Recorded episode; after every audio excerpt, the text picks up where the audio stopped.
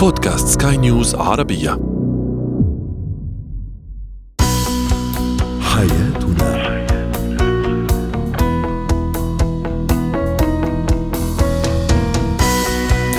مستمعينا الكرام أهلا بكم. معنا إلى برنامج حياتنا برنامجكم اليومي الذي يعنى بشؤون الأسرة وباقي الشؤون الحياتية الأخرى والذي يمكنكم الاستماع إليه عبر منصة سكاي نيوز دوت كوم سلاش بودكاست وباقي منصات البودكاست الأخرى. معي أنا أمال شاب نتحدث اليوم عن فارق السن بين الزوجين. هل يكون عائقا أمام سعادة الزوجين؟ أيضا نتحدث عن القلق عند الأطفال كيف نتعامل معه؟ وأخيرا عن الشخصية الانتقائية بين إيجابياتها وسلبياتها في الحياة العامة وأيضا حتى في الحياة المهنية. هو وهي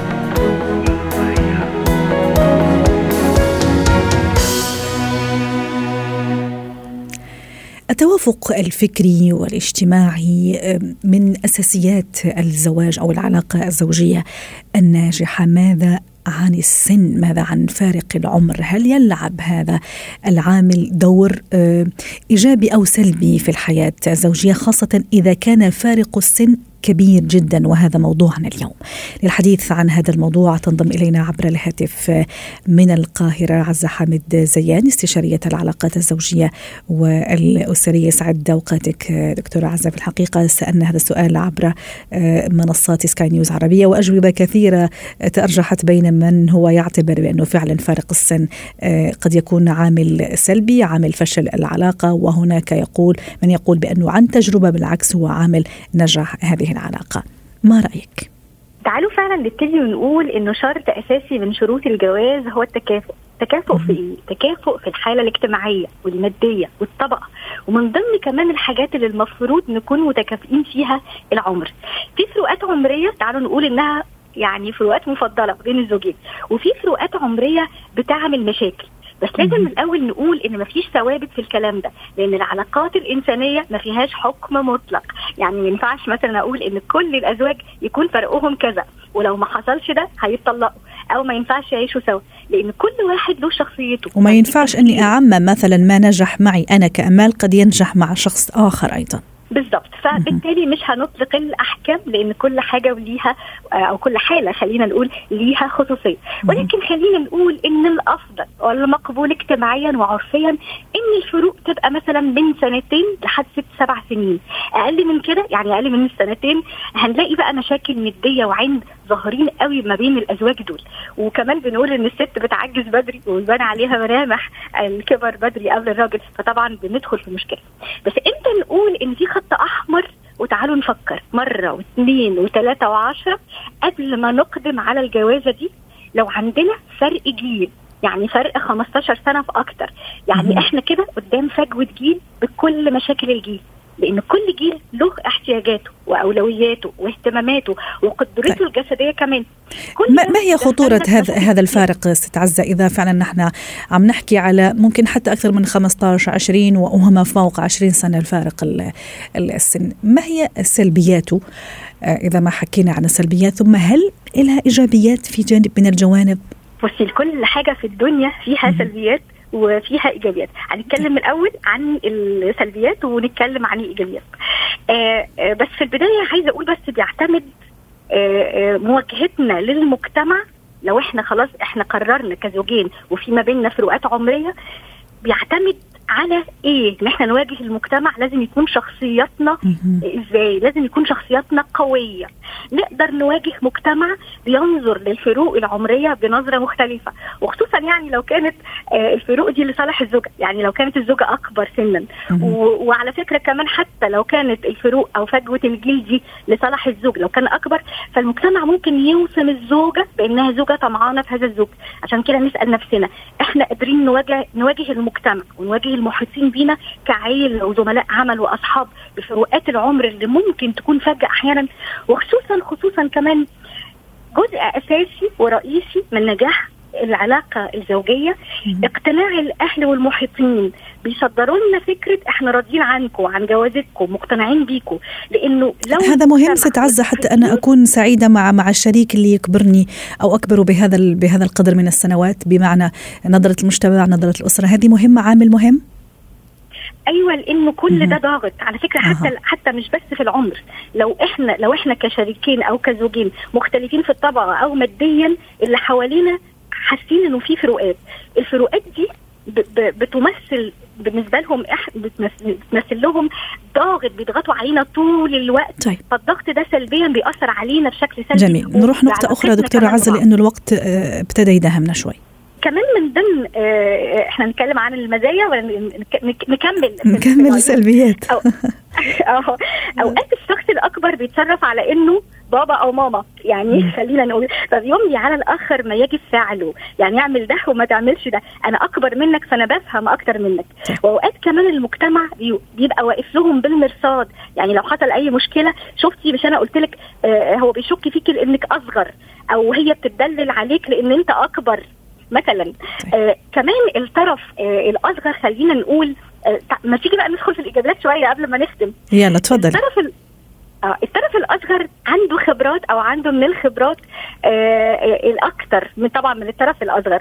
بي بيبقى ناضج وعنده خبرة السنين فبتنتقل الخبرة والنضوج من شخص الآخر كمان الطرف الأكبر الحقيقة لما بيتجوز شخص أصغر منه بيبقى حابب قوي يهتم طول الوقت بنفسه وبصحته وبجماله علشان يبان قدام الناس يعني أنا يعني لايق على لايق عليها أو هي لايقة عليه فطبعا له مردوده الإيجابي على الشخص نفسه مم. كمان أوقات الشخص الأصغر بيبقى محتاج لدرجة من درجات الحنان والأمان مم. اللي ممكن يكونوا افتقدوها خلال آه يعني سنوات عمرهم السابقة فالارتباط بالطرف الأكبر آه الحقيقة يعني بي بي بيشبع لهم الحنان اللي تم افتقاده. في كلمة أخيرة ست عزة حتى نختم في كلمة فعلا في هذا الموضوع ما الذي يمكن أن نقوله؟ عايزة أقول إن اختلافاتنا أو تشابهاتنا في الحالة الاجتماعية أو المادية أو العمرية أو حتى مكان تعارفنا يعني تعرفنا في الجامعة أو جيران أو حتى حب يعني آه، تعرفنا عن حب أو كده أو يعني إحنا بنحب بعض واتجوزنا عن حب. كل دي مش مقاييس لنجاح أو فشل علاقة زوجية. المقياس والمحك الفعلي؟ إحنا بنعمل إيه مع بعض في الجوازة؟ يعني بنتعامل إزاي مع بعض؟ هو ده المقياس. عارفين حقوقنا وواجباتنا وحدودنا ولا لأ؟ واتمنى لكل زوجين حياة أسرية سعيدة ومستقرة ومساءكم جميل. شكرا لك يا عزة حامد زيان استشارية العلاقات الزوجية والأسرية.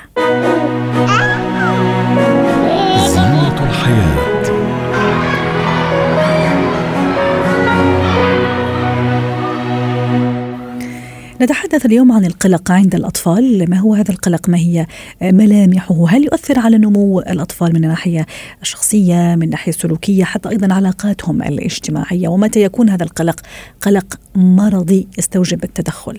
للحديث عن هذا الموضوع تنضم إلينا عبر الهاتف من عمان داليا قنديل الخبيرة التربوية يسعد مساك أستاذة داليا. ما هي ملامح القلق؟ متى أقول عن طفلي إنه طفل قلق؟ بداية النقطة المهمة يجب إنه نوضحها إنه كثير من الأهل ما بيكون عندهم الوعي الكافي أو إنه عدم القدرة على الملاحظة إنه في أطفال فعليا الخوف بتطور عندهم ليصير قلق وبيعيق حياتهم اليومية. أي شيء بالأمور النفسية إذا كان بيعيق الحياة اليومية أو بيعيق الفرد عن القيام بالأنشطة اللي كان معتاد عليها هنا يستدعي أنه المراقبة آه ثم الملاحظة يعني الملاحظة والمراقبة ثم استشارة المختصين آه بهذا المجال خصوصا إذا كانوا أطفال بعمر المدرسة لأنه بتتدخل أمور وعوامل أخرى بتساهم إنها تزيد وتفاقم المشكلة بحيث إنه يصعب حلها، وكل ما كان في عندنا التدخل المبكر لعلاج المشاكل النفسية اللي إحنا بنلاحظها على أطفالنا أو حتى نقدر نتعامل معها بالطريقة الصحيحة وتقديم الدعم الاسري والدعم الاجتماعي والدعم المدرسي والدعم المحيط يخفف من حدة الأعراض اللي ممكن آه ظهرت أو ممكن إنها تتطور وتظهر آه لاحقا، آه كثير مهم إنه إحنا نميز إنه الطفل الصغير حاله مثل حال الكبار عنده مشاعر قوية. آه، بشعر باللي بحدث آه، من حوله. بعض الأحيان بيكون العالم آه، بالفعل حولهم عالم مخيف خصوصا اختلاف البيئات اختلاف الثقافات اختلاف الأماكن اللي بتواجد فيها الطفل. خصوصا لما يصير مثلا مثل ما ذكرت بعمر المدرسة لما ينتقل من البيئة الأسرية الداخلية إلى البيئة الخارجية ويقابل ناس مختلفين من من ناحية التفكير داليا ما هي ملامح هذا هذا الطفل القلق؟ هل هو مثلا قلق على دراسته، مدرسته، أصحابه؟ هو مطيع غير مطيع أعطيني الملامح اللي, اللي تقول عنه أو تشير إلى أن هذا الطفل فيه هذا هذا الصفة أه، بالسياق اللي ذكرتيه لازم إحنا نفرق بين المسؤولية تجاه تجاه الأمور إنه بحيث مثلا إذا الطفل قلق حيال مدرسته هذا من من ناحية المسؤولية أنا أنا أقصد قلق مبالغ فيه نعم. داليا قلق يعني مبالغ نعم. فيه مش في حدود الطبيعية علامات القلق م- علامات القلق آه إنه بشعر بالخوف بشعر بالذعر عنده صعوبة بالتنفس آه، آه، بيكون عنده في تعرق. ممكن يكون في ألم في الصدر أو مثلا آه، ممكن يكون في عنده من شدة القلق والتوتر. بحدث أحيانا أو يعني تبول لا إرادي مثلا. بالطفل ما بيقدر وفي أطفال ما بيقدروا يخبروا إنهم قلقين بس بيكون في عنده عدم استقرار.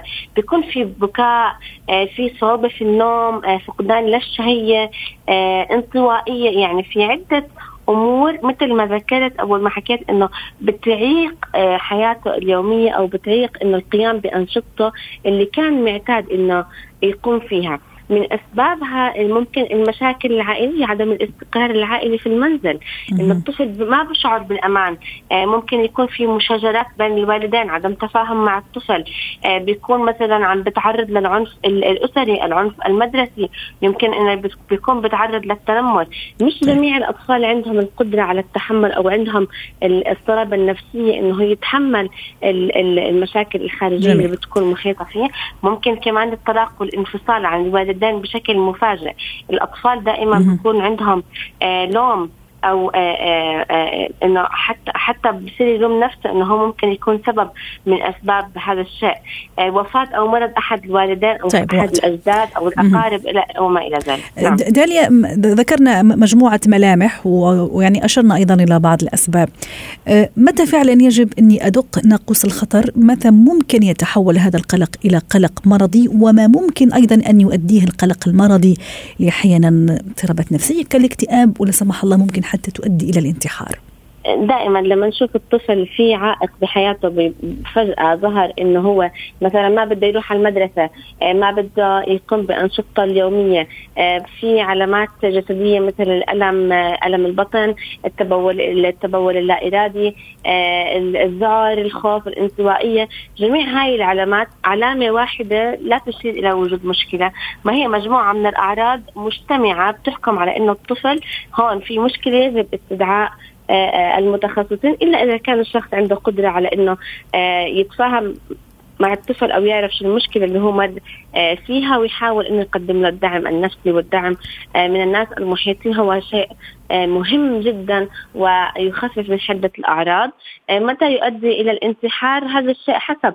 كل ما كان في دعم اجتماعي كل ما كان في قدرة على التعامل آه، مع الطفل كل ما كان في قدرة على التعامل مع المواقف. ما خلينا المواقف أو حتى الأعراض تتطور آه، بسبب الإهمال أو بسبب عدم الانتباه للطفل أو حتى آه، عدم الاستهانة بمشاعره أو حتى بالشيء اللي عم بتحدث عنه أو ما ناخذه بشكل غير جدي. هي جميعها تؤدي إلى عواقب لا يحمد الله. شكرا لك داريا قنديل الخبيرة التربوية ضيفتنا من عمان.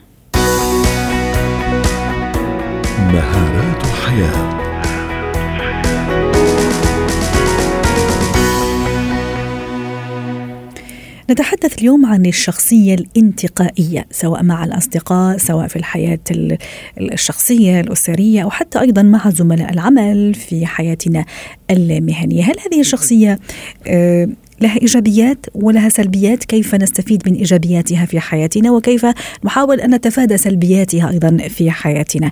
للحديث عن هذا الموضوع تنضم إلينا عبر الهاتف فاتن السلامة مدربة مهارات حياة سعد أوقاتك أستاذة فاتن. في البداية كمدخل لموضوعنا اليوم بشكل بسيط متى أقول عن هذا الشخص إنه انتقائي؟ زي ما تفضلتي قلتي الشخصية الانتقائية أو الانتقائية عموما هي سمة بتميز بعض الأشخاص. إزاي أميز هذا الشخص الانتقائي؟ هو شخص متعمق في الاختيارات. هو شخص يعني على على أبسط الأمثلة إذا دخلنا مطعم وأعطينا له المنيو بيكون هو آخر شخص بيختار مثلا طعامه ملابسه معارفه آه، علاقاته أسلوب حياته على حسب معايير وعلى حسب مقاييس بيضعها الشخص لنفسه من منذ بداية حياته. يعني لأن إحنا دايما بنقول إن الشخصية الانتقائية غالبا ما تأتي بعد خبرة وغالبا ما تأتي بعد سن. يعني بتكون يعني تصل إلى إلى ذروتها وإحنا في سن متقدم. ولكن هي سمه بتبدأ في بتكون معانا في شخصيتنا من بداية حياتنا إلى نهاية الحياة. جميل. طب فاتن ما دام إنه في هذا العمق يعني أنا أفهم إنه دائما إيجابي هذا الموضوع ولا لا؟ ممكن يشكل. مشكلة اولا هو بالنسبة لها على صعيده ممكن يتعب شوي وحتى أيضا في في عمله مع أصدقائه وحتى في حياته الشخصية. متى هذا الشخصية الانتقائية تكون فعلا آه، عم تعمل شيء إيجابي ومتى لا هذه الانتقائية انتقائية أحيانا تعمل لها مشكلة؟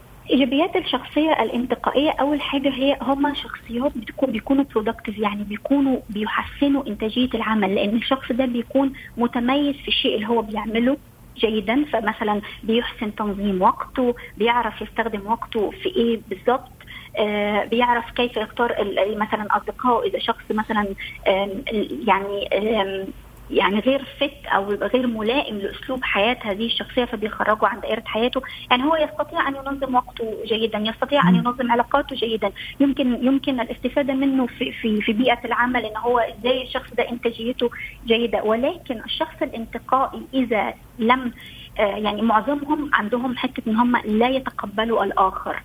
فعدم تقبلك للشخص الآخر أو وصولك إلى إن أنت تكوني انتقائية للذروة أو لمرحلة متقدمة جدا بيحصل مشاكل في التواصل مع الأشخاص الآخرين. لأن انت بتحكمي على الأشخاص ممكن أحيانا يشوفوا الناس الانتقائية مثلا غرور أو شوية كبر يعني آه، مثلا أنا انتقائي أختار سين أو صاد من الناس مثلا أتعامل معهم آه، لأني شايفة زي ما تفضلتي في البداية عندي معايير محددة أنا حددتها من البداية مسبقا فشايفة أنه الأشخاص فعلا آه، معاييرهم تتناسب معي. ولا أتعامل مع آخرين ليس انتقاصا منهم لكن لأني أنا كذلك انتقائية. ممكن هذا البعض يشوفها تكبر ممكن هذه تعمل مشاكل ليس كذلك؟ أنا كيف أتجاوز أيضا؟ حلو أني أكون انتقائي جميل أني أكون عميق في الطرح لكن في نفس الوقت أحاول إني حين أمشيها بين قوسين يعني. آه يعني زي ما زي ما حضرتك ما قلتي هو دايما بت بت بتكون في وصمة بت بت بنقولها عليهم إن هم مغرورين أو ما بيتقبلوش المجتمع. فبالتالي لو أنا شخص انتقائي لابد أن أمرن نفسي عقليا أيوة. إن وهذا اليوم لب الموضوع ست فاتن. أنا انتقائية كأمال أو أو فاتن أو مين مكان وحابة أمرن نفسي على إني لا أحيانا إني آه، مثل ما قلت أعديها. يعني في أمور ما لازم أكون فيها كثير انتقائية. اعطيني خطوات حتى أتمرن عليها.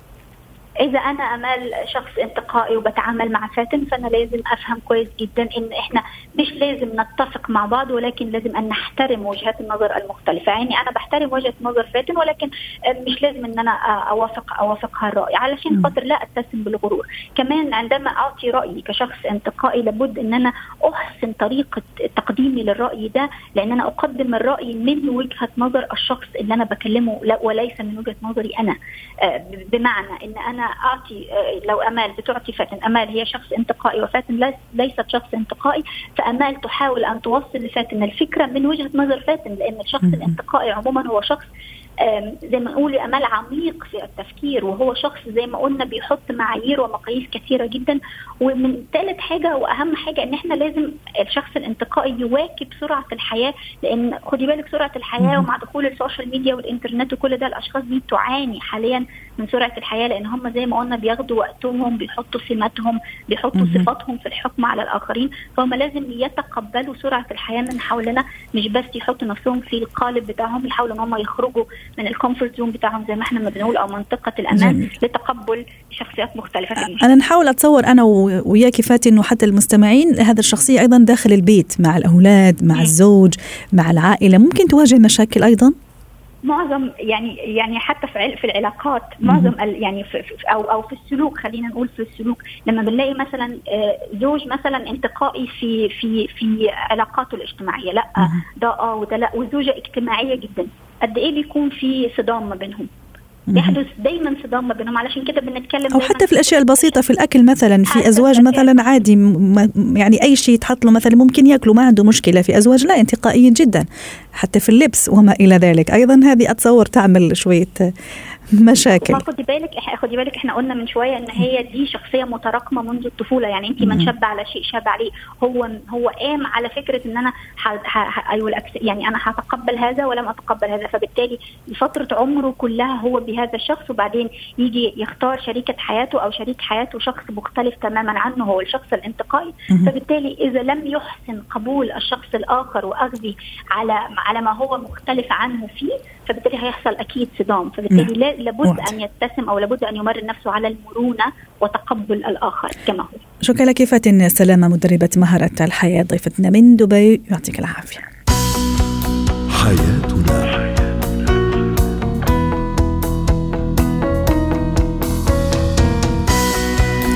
ختام برنامج حياتنا. شكرا لكم وإلى اللقاء.